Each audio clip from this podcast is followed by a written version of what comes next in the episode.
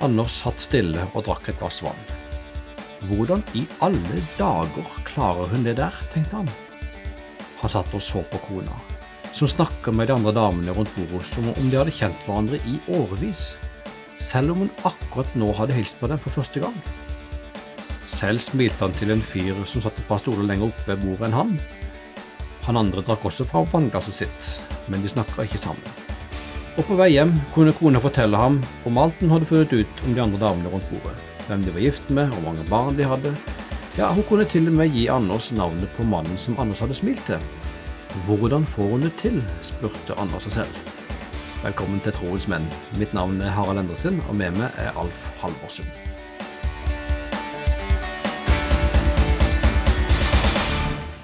Ja, hvordan fikk kona til Anders til dette? Og hvorfor får ikke Anders det til? Er han bare sjenert? Liker han ikke andre mennesker? Glemte Gud å utstyre ham med hvordan å være sosiale egenskaper? Gud har skapt både kvinner og menn som sosiale vesener, så det er viktig for Anders og for oss å finne svar på disse spørsmålene. Så bli med oss videre i dagens utgave av Troens menn. Alf Halvorsen, vi har i tidligere programmer sett på hvordan Gud har utstyrt oss med mange tanker og følelser. Og i dag skal vi se på nok et område, for Gud har utstyrt oss med sosiale antenner, eller enklere sagt evner og egenskaper for å ha forhold til andre mennesker. Ja, dette er et svakt punkt, Harald. Nå ligger vi tynt an. Vi gjør det, altså. Ja. Og la meg en gang være sagt, dette programmet skal ikke føre til at uh, vi har et negativt fokus på dette. Det, ikke, det, skal ikke være en sånn klagesang i dag at mann og mellommenneskelige forhold blir fokusert negativt. Det er ikke målet med dagens program. Jeg, jeg syns det var interessant den historien, for jeg tenker på eh, kona mi og jeg. Når vi har vært i en sånn sammenheng. Jeg syns det er så gøy å høre hva hun har funnet ut. Mm. Så når hun har vært sammen med noen, så har vi faktisk en aldri så liten sånn eh, dagsrevy, holdt jeg på å si, så vi får høre alt hun har registrert. Kjempegøy. Ja. Da får du nyte godt av konas sosiale ja, ja, ja, ja, for hun, jeg blir ikke så god som henne. Men jeg tror nok vi har noe å lære av damene der, altså. Det tror jeg absolutt. Ja, jeg, jeg hørte en gang en som sa det at uh, vi er jo skapt som mann og kvinne. Og, og mannen var jo skapt først av Gud, og så skapte han kvinna. Og i det så var Han sa, han er fyren som sa dette her, da, at, at uh, ofte så kan det se ut som at kvinnene er skapt mer følsomme. Altså de, de gråter tårene vi menn ikke gråter. og De bærer sorg i hjertet som ikke vi menn på samme måte klarer. Og der tror jeg kanskje det ligger noe. Vi er litt forskjellige. Mm. Men vi kan jo prøve å bli bedre. Mm. Det er i hvert fall sant. Og um, det er flott at vi kan uh, høre historier som den som ble fortalt her i starten. For det høres ut som at dette er noe ikke vi helt får til, må jeg jo si. Ja, og jeg må jo innrømme at uh, kona mi av og til har sagt til meg at du må få kontakt med ditt eget følelsesliv. Det er et av refrengene. Har du hørt det? ja, ja. Så uh, jeg jobber med det, altså. Jeg jobber med det. Uh, men vi må ikke miste motet, for det er ikke, poenget er jo ikke å kopiere damene. Men bli klar over at akkurat som de har sine svake punkt, ikke sant. Det er jo damene som ikke skal Det er mange tolkninger av det, da, men skal plapre for mye og sladre for mye. De har sine farer med dette. Og Derfor står det at vi skal elske hustruen vår, men hustruen skal respektere mannen sin. Mm. Og de er mye mer frista til å snakke litt sånn nedsettende om mannen sin. Det har jeg hørt både i malisk kultur og i Norge. Sånn at her har vi både vår styrke og vår svakhet eh, på forskjellige måter. Mm. Og nå må ikke vår annerledeshet med kvinner i dette bli en svakhet for oss. Den må vi gjøre om til en styrke. Det er bare et faktum, ja. Det er mye gøyere.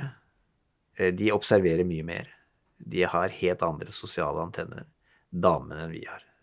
Hva snakker du om da, når du skal dra i gang en samtale? Nei, jeg er jo vet du, Misjonær så er alltid interessert i hvilken for eksempel i Mali, hvilken etnisk gruppe hører du til? Ja, ikke vel. Hvilket språk kommer du til? Og her hjemme så spør jeg alltid hvor kommer du fra? Hvem er du i familie med og sånt noe? Men litt sånn mer sånn eh, Ikke så veldig følelsesmessig, mer sånn vitenskapelig, ikke sant. Mm. Jeg skal være interessert i å høre liksom litt, få litt uh, bånd og, og, og, få litt bilde av situasjonen, da. Kanskje litt sånn uh, kjedelig, men jeg får med meg noe. Ja, og kanskje kommer spørsmålet òg hvilket fotballag holder du med, videre. Det er jo litt sånn overfladisk. og og på vegne av de mennene som hører på nå, så hvorfor er det et problem, da? Hvorfor skal jeg stille 50 spørsmål og høre om en eller annen ukjent fyrs tremennings mors bikkje som akkurat har blitt operert, eller, eller lignende ting? Ja, der sier du noe, altså. Nå eh, Jeg tror ikke vi må høre akkurat om kusiner, tremenninger, hunder, søstre, lus, eller hva det nå skal være. For nå, nå lager vi, Harald, troens menn for menn. Eh, og vårt mål som kristne menn skal være å bli mer lik Jesus. Jesus er vår frelser. Han er Guds sønn. Der skal ikke vi bli ham lik. Men han er også i noen situasjoner et forbilde og et ideal. Så vi skal ikke bli mer lik kvinner. Vi skal bli mer lik Jesus. Så når vi nå skal se på våre mellommenneskelige forhold, så må vi se på dem slik Jesus ville gjort. Vi skal prøve å ta på Jesu briller i dag. Så la oss se på en av hans relasjoner, og en nøkkelrelasjon som Jesus hadde med sine disipler, var den han hadde med Peter, Jakob og Johannes. Vi ser det i historien i Getsemanehagen. Eh, Harald, kan du lese Markus eh, kapittel 14, vers 32 34? Dette er jo eh, fra timene etter den første nattverden, men altså før Jesus blir arrestert. De kom til et sted som heter Getsemane. Da sa han til disiplene, Sett dere her mens jeg ber. Så tok han med seg Peter, Jakob og Johannes, og han ble grepet av angst og gru, og han sa til dem, Min sjel er tynget til døden av sorg. Bli her og våk. Takk. Og her vil vi peke på et par ting. Jesus ankom hagen sammen med alle sine disipler, men han tok bare Peter, Jakob og Johannes med seg videre innover. Dette forteller oss altså om to nivåer av relasjoner. I Johannes 15, 15 så sier Jesus, Jeg kaller dere ikke lenger tjenere, for tjeneren vet ikke hva Hans Herre gjør. Jeg kaller dere venner, for jeg har sagt dere alt jeg har hørt av min far. Og dette verset, der omtaler Jesus alle de tolv disiplene som venner. Kanskje det kan sammenlignes med en gruppe kolleger eller en mannsgruppe? Ja, det kan det absolutt. Og dette er folk altså du kjenner godt, du er på fornavn med dem, du vet trolig en del om hva som foregår i livet deres, men Jesus trekker altså ut Peter, Jakob og Johannes fra denne gruppa og når det er bare fire av dem sammen, hva er det da han forteller dem? Min sjel er tynget til døden av sorg. Dette verset forteller oss at Jesus var veldig ute av seg. Han grudde seg noe forferdelig. For mange menn er dette slike øyeblikk vi ønsker å holde for oss selv. Vi vil ikke at andre skal se at vi er ute av oss og gruer oss. Jesus kunne godt ha latt Peter, Jakob og Johannes bli igjen sammen med de andre disiplene og møtt den knalltøffe utfordringen alene, men han velger å invitere dem inn i sin private sfære, helt innpå seg. Og hva forteller det oss om Jesus? Han var ikke flau over å blottlegge seg foran Peter, Jakob og Johannes. Nettopp, sier det noe mer? Han stolte på dem. Stemmer. Og vi vet at ved minst to andre anledninger var disse tre sammen med Jesus, mens de andre ikke var det. Disse var altså tettere på Jesus, et tettere vennskap. Spørsmålet vi bør stille oss her, har vi en slik liten gruppe av nære venner slik Jesus hadde, men som vi er komfortable med og deler våre dårligste øyeblikk med? Det er et vanskelig spørsmål. Spesielt med tanke på det temaet som vi har vært innom her i Troens menn, de par siste programmene. Vi har snakket om klaging og bitterhet, vi har snakket om depresjon hos menn. Når vi skal hanskes med slike temaer, må vi ha en eller to kompiser som vi kan være åpne med, uten å bli flaue og skamfulle. Dette er veldig viktig, for livet kan være tøft og vanskelig. Dersom du har problemer i ekteskapet, hvem deler du dine bekymringer og din redsel med? Hvem er det som gir deg råd? Kanskje er du syk og redd? Hvem forteller du om frykten? Kanskje har et av barna beveget seg bort fra Herren, presterer dårlig på skolen, og du er bekymret for barnets fremtid. Hvem vet om dette? Ofte tror vi at de er alene, men det er vi ikke. Overalt er det mennesker som ønsker å hjelpe, dersom de bare vet at det eksisterer et problem. Akkurat på samme måte som at vi vil hjelpe dersom vi fikk vite at en av våre gode venner hadde problemer. Dersom du har skrudd på dette programmet nå, det er Troens menn du hører på, og mitt navn er Harald Endresen, og med meg her i studio er også Alf Halvorsen. Og I dag snakker vi om hvordan Gud ønsker at våre forhold til andre mennesker skal være. Og Alf Halvorsen, jeg skjønner hvorfor du mener det er så viktig med slike tette vennskap, forhold som stikker dypere enn vanlige vennskap. Men, men hvorfor etablerer vi ikke slike vennskap av oss sjøl, mer naturlig? Er det fordi Gud har skapt oss som litt sånn menn med, med avstand til de rundt oss? Ja, det er nok en del av det. Men eh, boka vår, som er utgangspunktet for programmene av John Tolson og Larry Crider, de lister opp fire ting som eh, forhindrer oss fra å utvikle slike dype, sunne vennskap. Og det første er at vi tror vi må skjule følelsene våre. Jeg er klar over at eh, jeg stiller mange hvorfor-spørsmål her i dag, men, men hvorfor skjuler vi følelsene våre? Hvorfor er det vårt naturlige utgangspunkt? Jeg mener, Det er jo frustrerende for våre koner, og det er sikkert ikke Guds favorittegenskap heller hos oss menn? Nei, det tror jeg ikke. Jeg tror en av grunnene er at uh, våre fedre ikke delte sine følelser. Kanskje. For mange menn er det en realitet. Og sikkert ikke deres fedre i forhold til de igjen. Så følger vi bare en, en lang tradisjon, rett og slett. altså. Gått i arv. Vi er blitt oppdratt i generasjoner til at menn ikke snakker om følelser. Og en annen årsak, trolig en viktigere årsak, er at vi frykter at dersom folk rundt oss vet hvordan vi egentlig er, da vil de ikke like oss eller godta oss. Hva mer tror du forhindrer oss fra å inngå nære vennskapsforhold? Uløste konflikter. I ekstreme tilfeller kan det skje at noen har blitt fornærmet av noe som har blitt sagt, og brått kutter hele vennskapet. Mer vanlig er det nok derimot at veksten i et forhold stanser opp fordi man beveger seg sakte bort fra hverandre. Hva er det som leder til at to venner beveger seg bort fra hverandre? det er nok en, eh, en grad av ubalanse i ethvert forhold. Kanskje er det bare den ene parten som gir noe. Du, for eksempel, er den ene som ofrer noe for å holde forholdet gående. Og konkurranse, ikke minst det. Mannfolk. At konkurranse kan føre til at et vennskap går i oppløsning. Hva mener du med det? Ja, Tenk deg da, ta et eksempel, at du har et nært vennskap med en i menigheten. Kompisen din blir plukket ut til å delta i lovsangstime, men du får ikke være med. Dette er eh, kan jeg lett se for meg. Og etter en stund, særlig dersom du ikke er forsiktig og bruker tid med Gud, kan sjalusi og bitterhet komme krypende og forgifte hele vennskapet. I motsetning til det så har altså vi i Bibelen et kraftfullt eksempel på et forhold som ikke hadde konkurranse og det var mellom David og Jonathan. Eh, det står det mye om i kapitlene fra 13 til 31 i første Samuels bok.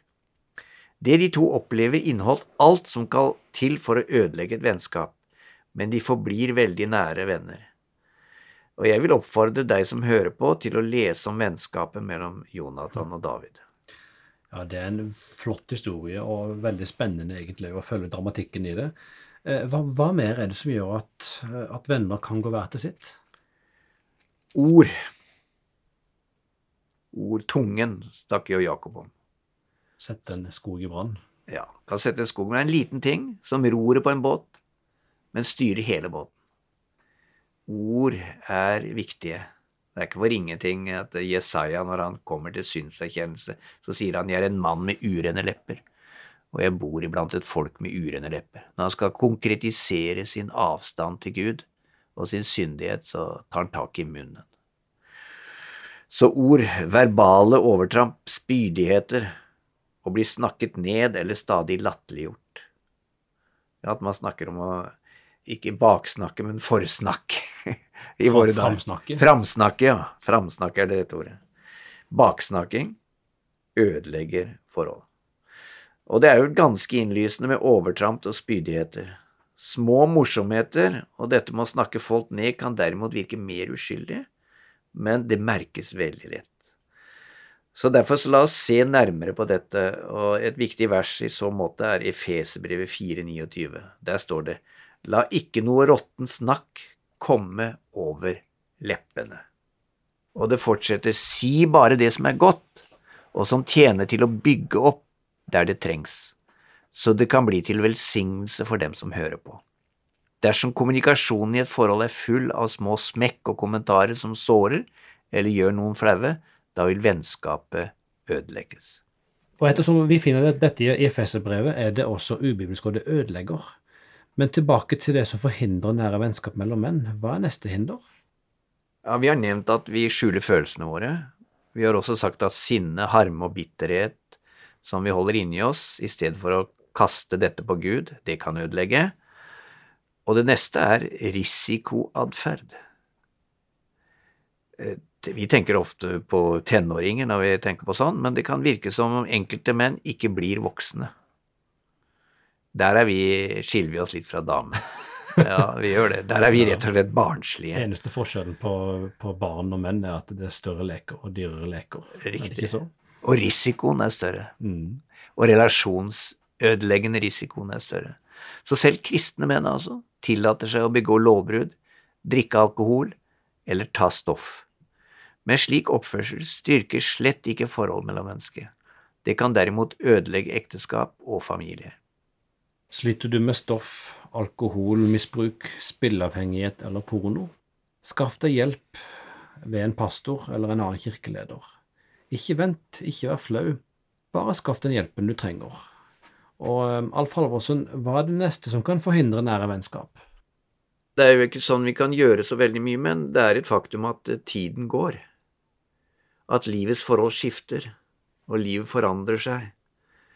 Én ting er jo en positiv ting for den ene, og det er en ting vi ikke kan gjøre noe med, men når eh, det oppstår en endring når en mann tar imot Jesus Kristus som sin Herre og frelse.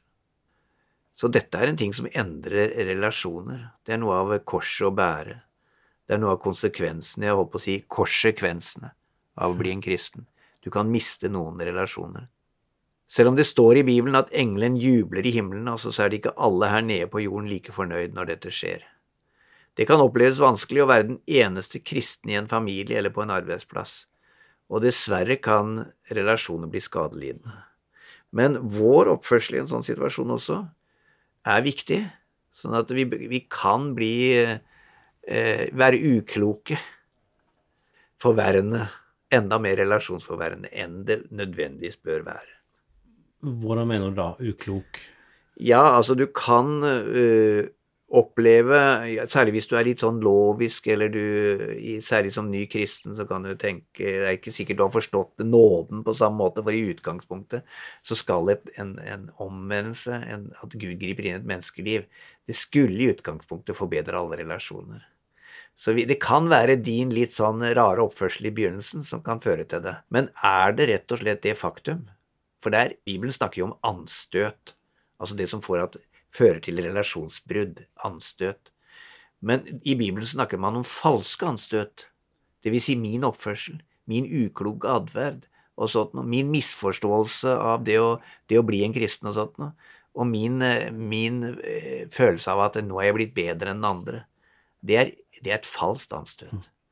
Men det fins ekte anstøt. At min frelse består i at eh, Guds sønn ble menneske og døde stedfortredende korsdøden for å betale for min synd. Det, hvis det er uenighet om det, og min gode relasjon velger å bryte relasjonen av det, da kan vi ikke gjøre noe med det.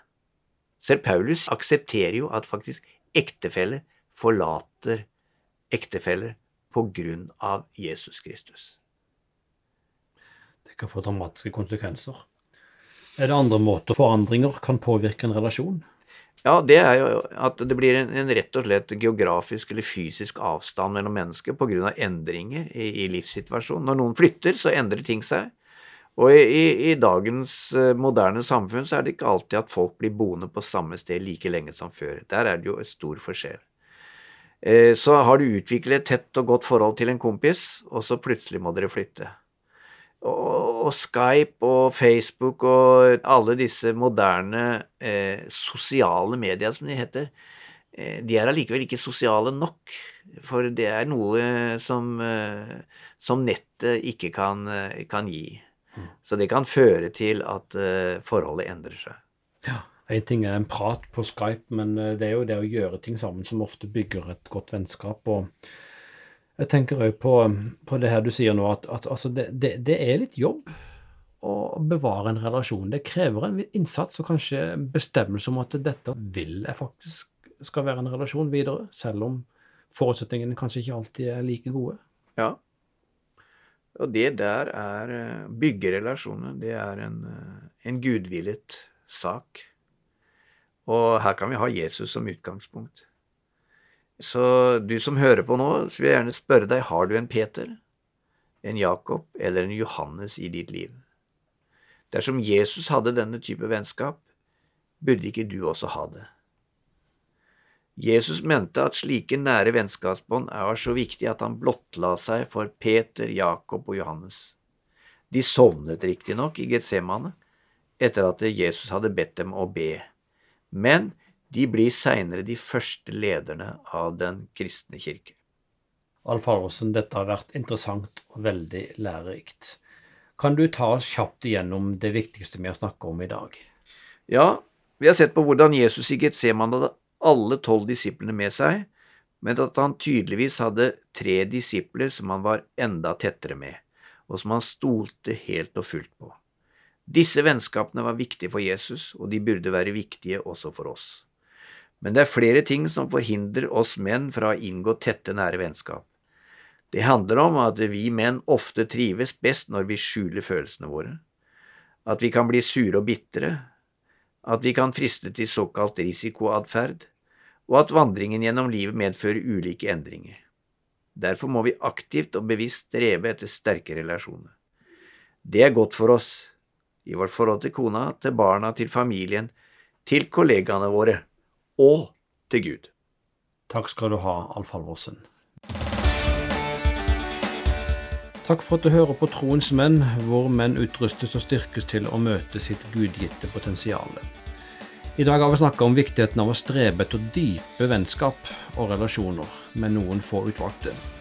Bakgrunnsmaterialet til dette programmet er henta fra kapittel 14 i boka De fire pilarene av John Tolson og Larry Crider. Og Troens menn er den norske varianten av eh, mannsarbeidet i TVR, Champions Rise. Og eh, materialet er oversatt og produsert på norsk av Norea Mediemisjon. Du kan finne kontaktinformasjon og alle podkastene og annet nødvendig materiale på troensmenn.no. Mitt navn er Harald Endresen, og du har også møtt Alf Halvorsen. Takk for at du har lyttet til oss. Må Gud forme deg til den mannen han vet du kan bli.